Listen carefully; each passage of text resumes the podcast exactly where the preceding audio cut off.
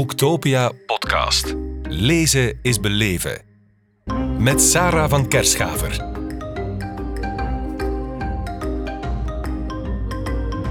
Pascal Koppens, welkom in onze podcast hier op Boektopia in Kortrijk. Dank u.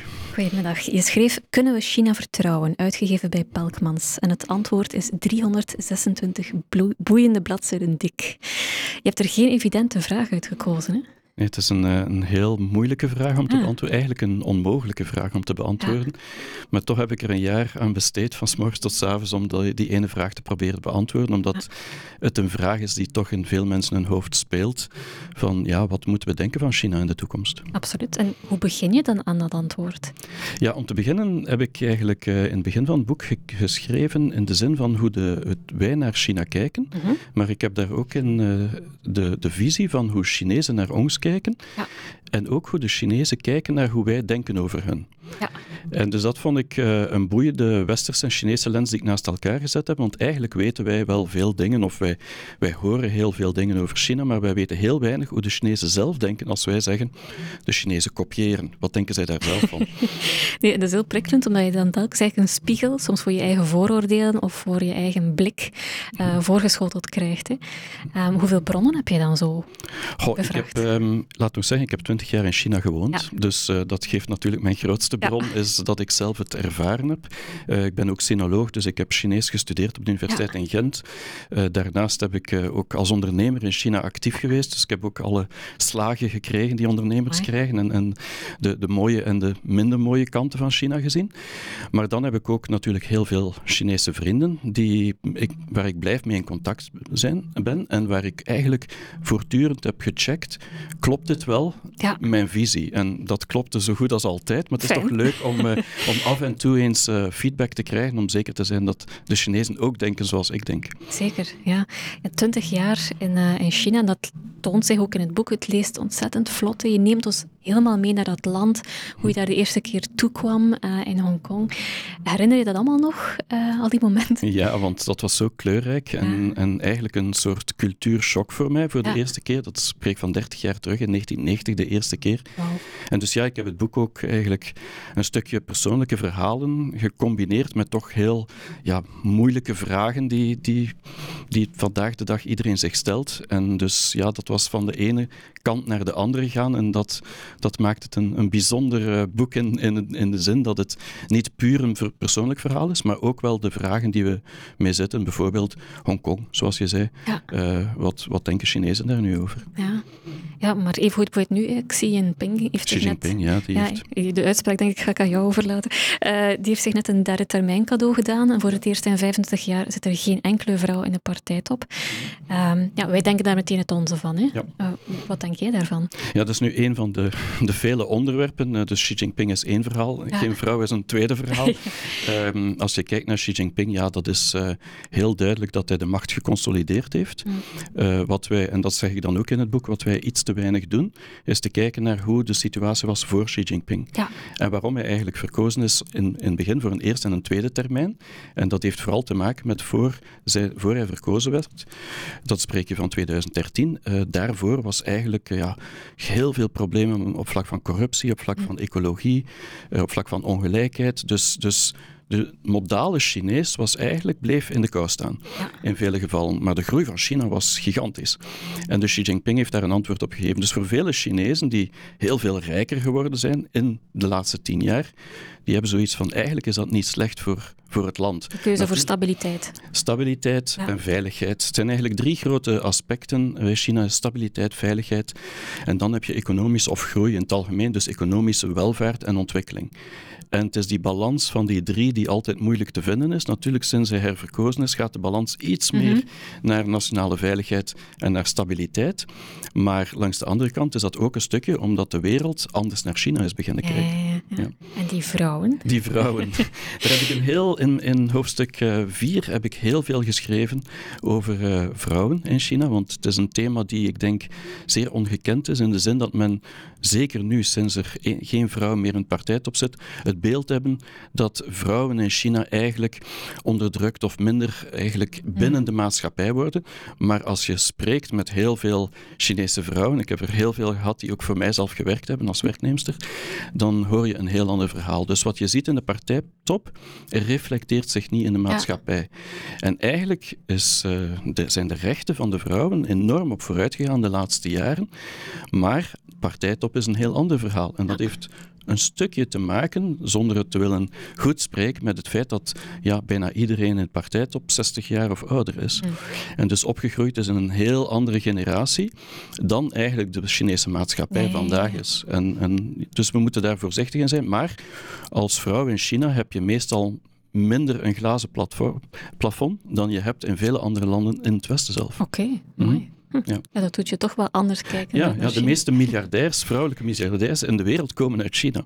Dus, dus allez, er zijn twee verhalen altijd. En het hele idee van het boek is niet om te zeggen dit is beter of dit is, is, is, is, is, is goed of slecht, maar eerder van het andere verhaal ook eventjes te belichten. Hm zodat we ja, meer context krijgen. En ik denk dat dat belangrijk is om, om China te begrijpen en misschien iets meer te vertrouwen. Ja, want we zijn wel wantrouwig. Bijvoorbeeld uh, het feit dat we vandaag massaal uh, een Chinese app uh, downloaden op onze smartphone. En dan heb ik het natuurlijk over TikTok. TikTok. Ja, um, goh, erg comfortabel voelt dat niet. Anderzijds staan we er ook weer niet bij stil. Heb jij TikTok op je smartphone? Ik heb TikTok op mijn smartphone en ik heb, uh, ik heb TikTok in Beijing bezocht. Uh, het, het, general management, dus het, het, het, het, het, het uh, management van Beijing, van ByteDance, dat het bedrijf is van TikTok. Mm -hmm. En ja, daar heb ik ook heel veel informatie eigenlijk gekregen die ik ervoor niet wist. En een van de uh, dingen die mij altijd is bijgebleven, dat, ik, ik, weet niet of ik dat in het boek geschreven heb, mm -hmm. maar een van de dingen die mij altijd is bijgebleven, is dat ze zeiden van ja, een groot probleem in het Westen, in vergelijking met China, is dat er eigenlijk veel te weinig regels zijn op vlak van internetcensuur. Hmm. Waardoor dat wij eigenlijk niet weten of we het goed doen of slecht doen. Met als gevolg dat zij vaak hun eigen regels creëren en dan worden ze natuurlijk aangevallen als ze het verkeerd doen. Wat niet betekent dat het, dat het volledig veilig is, want ik denk dat er op dit moment geen enkele sociale media is waar je kan zeggen van ja, dit is volledig mm zon, is uh, harmless, dus uh, is onschuldig. Mm. Dus er is altijd een risico. Ja, het is, uh, het is heel genuanceerd. Hè. Je, je, laat ons echt wel anders kijken. In die zin, jouw titel, hè, kunnen we China vertrouwen? Wat betekent voor jou een land vertrouwen?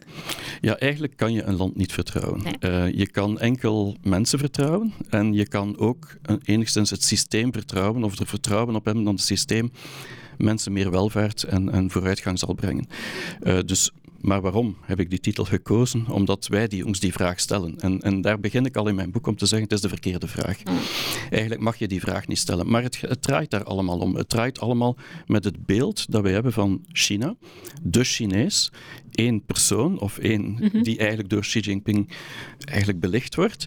En dat vertrouwen we niet, hem vertrouwen we niet. En dan zitten we eigenlijk, gaan we verder om alles te gaan analyseren hoe dat China in elkaar zit. Ja. En ik denk dat daar een beetje de uit, uitdaging is als je vertrekt van een, een wantrouwen, dat het heel moeilijk is om eigenlijk nog interesse te krijgen. Mhm. Want eens je iets of iemand of een land of niet vertrouwt, dan kan je er ook niet meer uit leren. En als je er niet meer uit leert, ja, dan, dan eigenlijk is dat een spijtige zaak voor het tweede grootste economie van de wereld, die aan enorme snelheid vooruit gaat en die zeker op vlak van innovatie en verandering enorm veel meerwaarde meebrengt maar we willen er niet meer van leren. En dus zijn we China een stukje aan het isoleren, mhm. waardoor China zichzelf ook een stukje aan het isoleren is. En dat is natuurlijk niet de richting dat ik denk dat goed is voor de wereld. Dus daarom dat boek. We hebben natuurlijk met uh, alle grondstofuitwisselingen en investeringen die zo in Afrika, waar daar wel een, ja, een bondgenoot is een groot woord, maar hoe kijk je dan bijvoorbeeld naar die afhankelijkheid die ze daar aan het creëren zijn? Want als je het dan hebt over, we gaan het niet louter op de partij uh, focussen, maar wel op de grote dynamiek die daar bezig zijn als economische grootmacht dat stemt toch ook niet per se uh, gerust? Nee, maar ik denk ook dat we uh, moeten zien, China zien als de tweede grootste grootmacht ter wereld. Mhm. En net zoals Amerika probeert China zoveel mogelijk vrienden te maken in de wereld. Probeert zoveel mogelijk ja, eigenlijk mensen te hebben waar ze op kunnen vertrouwen, als je het zo kunt zeggen, of regimes waar dat ze kunnen op vertrouwen Nu, meestal bij ons is dat in Europa Amerika vaak, die, wat dat we op vertrouwen. Dat zien we heel sterk met de oorlog Ja, nu in. Oekraïne. Maar ik denk wel dat China, omwille van die dreiging die ze al in tijden van Obama zagen, dat ze zouden afgesneden worden van bepaalde technologieën of bepaalde voordelen of grondstoffen van het Westen, Mhm. dat ze zelf eigenlijk zijn gaan zoeken naar die grondstoffen en naar die connecties met de rest van de wereld, vooral het zuidelijk halfrond. Ja. En die waren natuurlijk vrij ontvankelijk daarvoor, omdat wij in het Westen alsmaar minder zijn beginnen investeren in het zuidelijk halfrond. En iets meer in Elon Musk en in, in andere, andere dingen die, die ons Ja. meer eh, vertrouwen gaf dat dat beter ging gaan. En dus ja, die Afrikaanse landen die waren een vragende partij. En daar heeft natuurlijk China gebruik, je kan zeggen, zeggen, misbruik van gemaakt, om die partijen dan eigenlijk in hun alliances, dus hun verbondenschap met eh, China te brengen. En dat is heel goed gelukt. En dat is natuurlijk, nu zijn wij daar ja, een beetje kwaad over. Kwaad over ja. Ja, ik toch wel een beetje. Hè? Ja, heel erg. Ja, Ehm, ja ik, ik ervaar jou als kritische liefhebber van China. Dat, ook in jouw boek, je, je stelt kritische vragen, maar je, je gaat ook echt wel in op wat leert dat land ons nu eigenlijk? Wat heeft eh, China jou geleerd? Goh, China heeft mij geleerd dat niks eh, constant is. Ja. En dat alles voortdurend verandert. En, en ik denk dat dat iets is dat wij ja, pas nu door de pandemie en de oorlog in Oekraïne beginnen te realiseren dat eigenlijk we niet weten hoe volgend jaar er zal uitzien. En de Chinezen hebben dat al 30, 40 jaar, eigenlijk al 100, 200 jaar, dat ze eigenlijk niet weten hoe morgen er zal uitzien. En ze, zijn zich altijd, ze hebben zich altijd georganiseerd om eigenlijk te kunnen vlug schakelen. Ja, En dat is natuurlijk heel vermoeiend om vlug te schakelen. Eh, maar dat heeft wel een enorm voordeel, eh, zeker op economisch vlak, op technologisch vlak en, en, en ook op mentaal vlak, omdat je dus ja, minder blijft hangen in het verleden. En, en dat is het voordeel van China. Ja, van die wendbaarheid kunnen we nog wel iets leren, Zeer denk zeker. ik. En misschien tot slot, want eh, je gaf ook aan dat je daar een start-up bent begonnen. Hè. Ehm, ik kan me voorstellen dat ook wel Belgische of Vlaamse ondernemers wel eens dromen van een, een bedrijf daar of om daar eh, voet aan, eh, aan wal te hebben. Eh, je- het lijkt me niet bepaald iets waar je naïef aan kunt beginnen. Ehm, Nee, en ik denk ook dat in alle eerlijkheid de, de gouden tijden voorbij zijn. Ja? Dat wil zeggen dat ehm, ja, de, de momenten waar dat je echt China kon binnenkomen en met een om teven welk Mhm. product de hele Chinese markt proberen veroveren, ja, dat is alsmaar moeilijk. Omdat de Chinezen alsmaar competenter geworden Ja. zijn. Je hebt dus veel meer concurrentie, maar er zijn ook veel meer regels. Xi Jinping heeft eh, vorig jaar enorm veel regelgeving ingelast, waardoor dat je nu belastingen moet betalen. Dat moest je vroeger niet doen. Eh, dus er zijn heel veel dingen die je nu moet doen die je hier normaal vindt. Maar China is niet meer het paradijs van vroeger. Mm. Dus je moet echt gaan zoeken naar die niche-markten of, of echt een, een zeer goed product hebben. Lotus bijvoorbeeld. of- In, in de food-industrie, en voed- voedingindustrie is altijd, want dat is emotioneel. ja. Eh, oké. Als je kijkt naar Ja. Belgisch bier, naar voeding, dat is emotioneel. Maar als je kijkt naar eh, een ander product die meer ja, industrieel is, ja, dan moet je echt wel al, al innovatief zijn. Anders is het in China heel moeilijk geworden om succes te hebben. Oké. Allee, dan is het toch nog zo slecht niet in Vlaanderen. maar, eh, Zeker niet, nee. Oké. Pascal Koppens, hartelijk dank om hier te zijn. Met veel plezier, dank u wel. Boektopia podcast. Lezen is beleven. Beluister ook de andere podcasts live opgenomen op Boektopia 2022. Nu via je favoriete podcast-app.